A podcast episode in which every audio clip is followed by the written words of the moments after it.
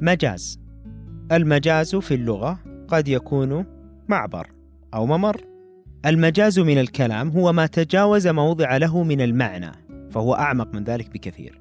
مصطلحا هو اللفظ المستعمل في غير موضع له لمناسبة بينهما وهو نقيض الحقيقة في بعض الأحيان. حتى الرواية قد تعتبر مجاز. بالنسبة لنا المجاز في الترجمة هو برنامج يختص بزيارة بعض المفاهيم التي عرفناها سواء في علوم الترجمة أو ممارسات الترجمة. فأنا فهد الهذلول ومعي الجازي آل سلطان.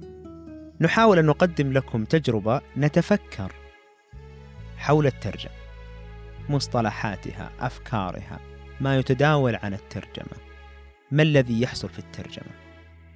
تابعونا قريبا في مجاز في الترجمة. عبر إذاعة المترجم.